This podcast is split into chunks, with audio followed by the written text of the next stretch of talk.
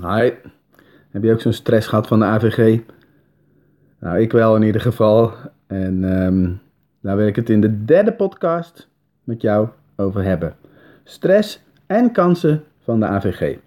Nou, het is inmiddels 25 mei geweest, dus die, die, die datum waar we eh, naar uitkeken, maar dan ook eigenlijk weer niet, die is voorbij. En ehm, ja, nu gaan we kijken hoe gaat het allemaal verder, want ik ben dingen gaan veranderen.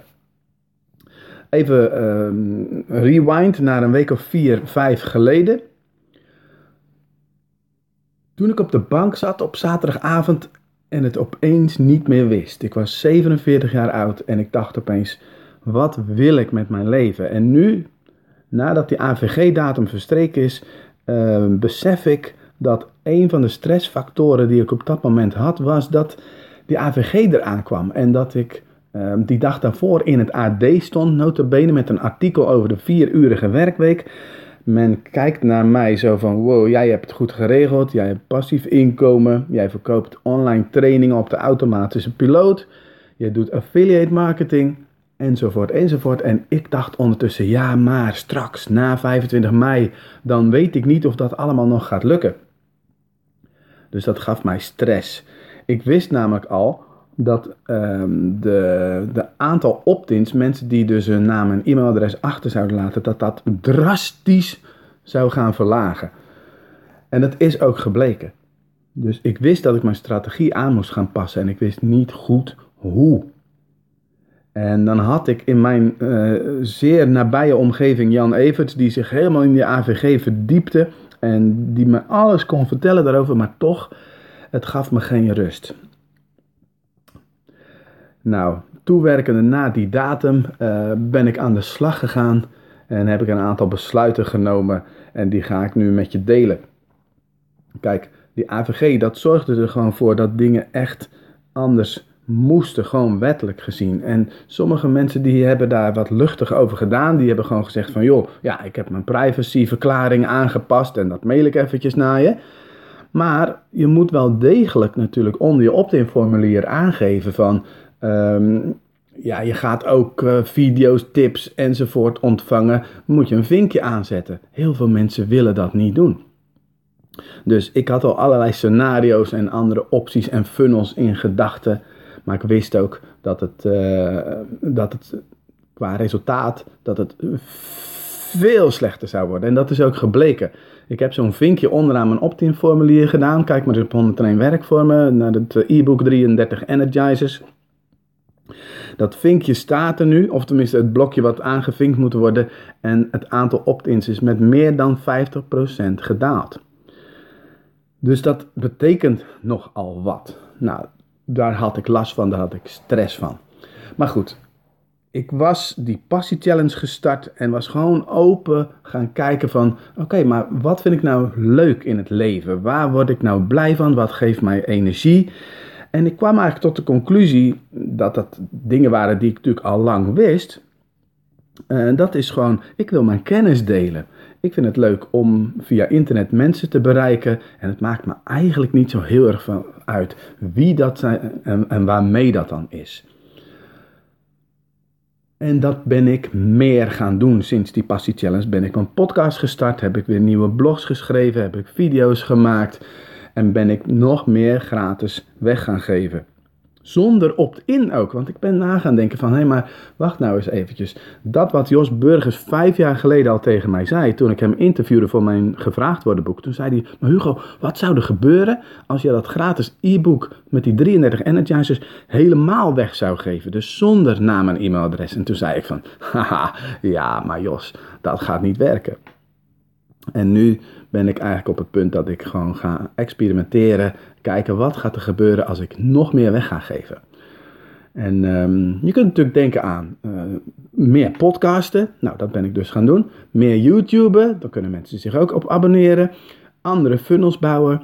En wat ik besloten in de afgelopen week is van... Weet je, ik ga mensen gewoon voor een heel laagdrempelig bedrag vanuit die gratis dingen waar je op kan abonneren, dus zonder e-mail marketing, ga ik mensen uitnodigen voor live workshops of trainingen. En zo ontstond al heel snel de passietest. die gaat 7 juni plaatsvinden. Zo ontstond al eerder het expertseminar op 6 juli. En zo wil ik eigenlijk met een vaste regelmaat laagdrempelige workshops en trainingen gaan organiseren. En daar zullen mensen mij nog beter leren kennen. Iets wat ik heel vaak hoor, is dat mensen zeggen van Hugo, je bent live eigenlijk leuker dan online. Nou ja, dat is aan de ander om te beoordelen, maar ik weet ook gewoon, daar zit mijn kracht. En ik weet niet of je de vorige podcast hebt geluisterd. Ik praat nu heel veel over mezelf, maar ik hoop dat je jezelf in dit verhaal kunt plaatsen. Dat je ook misschien wel op zoek bent naar nieuwe wegen om uh, mensen aan te trekken, magnetisch uh, content marketing. En vervolgens dat je ze ook kan verleiden om klant bij je te worden. Weet je, we zijn allemaal ondernemers. Dus we willen op een makkelijke manier klanten aantrekken, zodat we dat kunnen doen waar we zoveel van houden. Dat is training geven, coaching, uh, mensen helpen, mensen inspireren, mensen helpen groeien. Dus dat is ja, waar ik op dit moment mijn strategie op aan aan het passen ben. Nou, ik heb eigenlijk twee grote mailinglijsten uh, gehad in de afgelopen jaren. Dat was de mailinglijst van 101werkvormen.nl en dat was een mailinglijst voor ondernemers. Nou, hoe heb ik het aangepakt met 101 werkvormen? Ik dacht in eerste instantie, ik ga die 30.000 e-mailadressen ga ik gewoon weggooien. Ik ga compleet opnieuw starten. En toen dacht ik, nee, ik ga toch een ander experiment doen. Ik ga toch iets proberen. Kijken hoe zich dat ontwikkelt. En wat heb ik toen gedaan? Let op. Het eerste wat ik gedaan heb is Iedereen die meer dan zes maanden geen e-mails van mij geopend had, die heb ik weggegooid. Oftewel de e-mailadressen. Uh, oftewel zowel van Hunter en Werk van me als van de ondernemers e-maillijst. Die heb ik gewoon weggegooid. Geen interactie, klaar ermee, huppakee. Dus toen hield ik van Hunter en Werk voor me van de 30.000 nog maar ongeveer 20.000 over. En toen heb ik nog een keer zo'n slag gedaan waarbij ik uh, een, op een nog korte termijn, zeg maar op drie maanden lang niet geopend, geen interactie, ook weggegooid. Toen hield ik er nog 15.000 over. En toen heb ik het volgende gedaan. Op de dag voor de AVG, dus 24 mei, heb ik een e-mail gestuurd van joh, blijf je bij 101 werkvormen. Een grote rode knop in de e-mail. Ja, ik blijf bij 101 werkvormen op, mensen, op het moment dat mensen daarop klikten, dan zou mijn uh, systeem van autorespond is dat, zou ze in een andere groep plaatsen. Dat kun je dan automatiseren uiteraard. En als men dat zou doen, ik dacht, ik moet ze toch een cadeautje geven, zo van om te laten merken en blijken wat de waarde is als men bij me blijft. En dat hebben ze massaal gedaan, want ik heb een e-book weggegeven uh, die ik normaal gesproken voor 27 euro verkoop. En bij dat e-book staat ook een audioprogramma. En van die 15.000 mensen, ik weet nog niet exact uh, hoeveel geopend en hoeveel geklikt, maar ik weet in ieder geval dat ongeveer 3000 mensen geklikt hebben. En dat is best een hoog percentage. Um, dus daar ben ik heel blij mee. Maar vooral ben ik daar blij mee omdat ik weet, deze 3000 mensen, die hebben hele bewuste actie gedaan en hebben bewust ja gezegd tegen 101 werkvormen. Dus dat is re-engagement, noemen ze dat ook wel. Opnieuw heb ik ze weer betrokken, als ze niet al heel erg betrokken waren. En nu is het een kwestie van ja, dit vasthouden en weer waarde leveren. En mensen uiteraard uh, weer interesseren voor workshops. Maar dit is, ja, dit is gewoon een hele goede manier voor mij geweest om het zo aan te pakken al die andere adressen die straks, want wat ik ook gedaan heb was die dag daarna op 25, de, uh, vrijdag 25 mei nog een keertje een mail gestuurd naar de mensen die nog niet een actie hadden ondernomen van joh, klopt het dat je nog niet geopend of nog niet geklikt had, wil je bij werk van me blijven ja of nee? Um, en dan wacht ik nog eventjes een weekje ongeveer en dan gooi ik alle adressen weg van de mensen die niet gereageerd hebben. Punt. Dat was eventjes uh, pijnlijk een aantal weken geleden. Maar nu heb ik zoiets van, cool, ik vind het gaaf. Ik heb er wel weer zin in om, zeg maar, ja, die nieuwe start te maken. Overigens ben ik wel aan het kijken eh, hoe ik dit helemaal uit kan besteden aan iemand anders, maar dat er wel een, een continu stroom is van echt nieuwe content. Want ik wil focussen. Ik wil focussen op de ondernemers. En van de ondernemers had ik een nieuwsbrief en die heb ik op 25 mei een mail gestuurd van ehm, ik neem afscheid. En die vond ik heftig om te schrijven. En toen heb ik onderaan ook geschreven, ja, je kunt ook zelf afscheid nemen door je af te melden. Maar anders doe ik het. Ik gooi het e-mailadres weg. Ik ben tot dat besluit gekomen omdat ik heel eerlijk naar die e-maillijst keek en zag dat er te weinig engagement was. En de oorzaak, die ga ik je nu vertellen. En knoop dit goed in je oren. De fout die ik de afgelopen jaren heb gemaakt is het volgende. De nieuwsbrief, de mensen die daarin zaten, dat was een verzameling van mensen die mij volgden vanwege passief inkomen, online.nl. Mensen die mij volgden vanwege workshops vullen, waar ik vorig jaar maximaal op geadverteerd had en achter, nou ja, een hele grote mailinglijst eh, mee opbouwde. Mensen die mij volgden vanwege de tips over focus. Mensen die mij volgden vanwege tips over online programma's maken. Nou, en zo kan ik eigenlijk nog wel even doorgaan. En voor mij werd het op een gegeven moment steeds moeilijker om een e-mail te schrijven waar iedereen zich in zou kunnen herkennen. Dus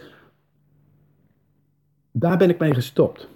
Met andere woorden, die lijst die heb ik weggegooid. Ik heb ook in de mail gezet van joh, ehm, je kunt natuurlijk bij me blijven, want dan is er een workshop, de passietest op 7 juni, en dan is er een seminar op 6 juli. En dat, is ook een manier om, um, ja, om eigenlijk aan te geven, hey, ik wil bij je blijven. Of je kunt naar mijn Facebookpagina gaan en die liken, of je kunt me uh, connecten op LinkedIn. Uh, ik zit zelfs op Instagram, weet je. Er zijn natuurlijk allerlei wegen waarop mensen bij me kunnen blijven. En nu ook deze podcast. Een manier om bij me te kunnen blijven. En um, ja, ik weet niet hoe jij ermee omgegaan bent. Ik heb van alles uh, voorbij zien komen de afgelopen dagen van mensen die gewoon schreven van... joh, ik heb mijn privacygegevens aangepast, punt. Of mensen zeiden, ja, die AVG, uh, ik heb opnieuw je toestemming nodig. Dus klik hier en kom je op een pagina en dan moet je een vinkje aanzetten en dan uh, opslaan en dit en dat. Dus de meest uiteenlopende manieren van uh, ZZP'ers tot en met de grootste bedrijven. Allemaal verschillende aanpakken. En dan kwam de minister op de laatste dag ook nog eens met de geruststelling van jongens, jullie ZZP'ers, um, rustig aan. Je hoeft niet zo nauw te nemen. Oftewel, we pakken jullie echt niet. En dat ik dacht van ja, dan kom je op de laatste dag met die boodschap. En um, um, ik begreep ook dat de Kamer van Koophandel op de laatste dag nog een mailtje had gestuurd van joh, uh, uh, hoe gaat het ermee met de AVG? Ben je er klaar voor? Dat ik denk van ja, er is, er is geen goede informatiestroom uh, geweest. En um, dat bedoel ik niet als zijnde slachtoffer, maar meer naar mezelf toe zo van een geruststelling van oké, okay, stel dat ik de wet heb overtreden, ik heb volgens mij heel veel aan gedaan. met andere woorden, ik heb mijn complete business eigenlijk gewoon weggegooid en ik start opnieuw. Um, niemand kan mij verwijten dat ik, uh, dat ik geen aandacht heb gehad voor de AVG. En uh, heel in het kort kan ik gewoon zeggen: ik heb er zin in. Ik ben benieuwd hoe het zich uh, gaat ontwikkelen. En dat betekent ook dat ik um, um, veel meer nog met één boodschap naar buiten wil gaan komen. Dat ik veel meer wil gaan focussen op um, mensen helpen om te gaan focussen. Oftewel, ik heb een programma dat heet de Focus Masters, waarin ik mensen, ondernemers help om keuzes te maken, om, om, om, om gericht met aandacht één ding te gaan doen. En uh, dit is voor mij een mooie aanleiding om een aantal dingen gewoon uh, te stoppen. Een aantal websites gewoon weg te doen. En uh, te focussen op het programma van de Focus Masters. En uh, op die manier um, het ook veel makkelijker te maken voor mezelf. Om een voorbeeld te geven, ik las laatst een boek en dat heet, ik dacht uit mijn hoofd gezegd, uh, één ding. En dan stel ik mezelf steeds die vraag van, wat is dat ene ding wat ik nu kan doen, waardoor al het andere makkelijker wordt of zelfs overbodig. Nou, dat is bijvoorbeeld, eh, om het concreet te maken, de juiste gratis content maken en vervolgens ehm, de mensen die die content nodig hebben of daar enthousiast van worden, ehm, eigenlijk een aanbod doen voor het programma van de Focus Masters. En ehm, in de Focus Masters heb ik besloten dat, ik weet niet of je het weet, ik, ik vermoed van niet. Focus Masters is een programma waarbij we met een groep ondernemers één dag per maand bij elkaar komen. En dus vooral gericht op ja, focussen, uh, een plan maken voor de komende maand, succesgewoonten intrainen, uh, elkaar ontmoeten en masterminden. Dus uh, elkaar ook helpen om een stap verder te komen. Dat was het programma wat ik nu besloten heb om eigenlijk dus te kunnen richten op één ding. Dat is alle trainingen die ik daarnaast ook gaf, die stop ik in het pakket van de Focus Masters. Met andere woorden, het programma wordt meer waardevol, het wordt completer en het wordt voor mij makkelijker om één ding te doen waar toch heel veel variatie in zit. Want ik ken mezelf inmiddels als ik steeds hetzelfde blijf doen, en misschien herken je je daar ook in, dan vind ik het saai worden en dan wil ik weer nieuwe dingen gaan doen. Dus op deze manier heb ik dat probleem getackeld en kan ik voluit mijn passie uh, blijven doen en blijven leven zonder dat ik naar de buitenwereld continu verander. Dan vraag je misschien af, wat ga je dan doen met die succesroute, de community? Die blijft. We hebben afgelopen week de, de, de toegang verhoogd uh, qua tarief. En uh, de pilot, die ik eerder met Jan Everts draaide, dat wordt een programma wat eigenlijk een, een VIP-programma was en wordt, um, en waarbij de succesroute in zit. Dat klinkt een beetje vaag, denk ik, als je er zo naar luistert. je weet niet precies wat het is, maar dan wil ik dat nu bij deze ook maar gewoon zo laten. Want het is een podcast waarin ik niet per se reclame maak. Maar Um, waar het om gaat is dat ik je uit wil leggen hoe ik met de AVG omgegaan ben om het als een kans te zien. En wat voor mij gemaakt heeft dat ik dingen anders ga aanpakken. En ik ben er blij mee. Ik weet, het voelt ook als een soort van uh, opluchting. Ik hoop dat jij dat ook uh, um, kunt ervaren als zijnde echt een nieuwe kans. Nou, tot zover deze podcast. Als je het inspirerend vond, geef eventjes een hartje. Abonneer op deze podcast, want ik probeer, wil ik bijna zeggen. Ik weet dat ik in het verleden dingen gestart ben en het moeilijk vond om af te maken. Maar ik merk gewoon, dit podcasten is een hele makkelijke manier om content te maken. Ik vind het super leuk. En um, als ik alleen al hoorde dat afgelopen uh, uh, dagen dat mensen mij mailtjes stuurden van joh wat tof hond er in werk voor me dat je dat e-book gratis hebt weggegeven met dat audioprogramma. Ik zit nu op het strand met jou in mijn oor en dan denk ik ja dat vind ik wel echt super cool om te weten dat, uh, dat ik op deze manier mijn passie kan leven door te geven, door te inspireren en dat het op die manier ook echt daadwerkelijk gebeurt. Dus niets mooiers dan zo'n e-mail te krijgen en, en te lezen. Dus ik geniet ontzettend en ik hoop jij ook nog een hele fijne dag en tot de volgende aflevering.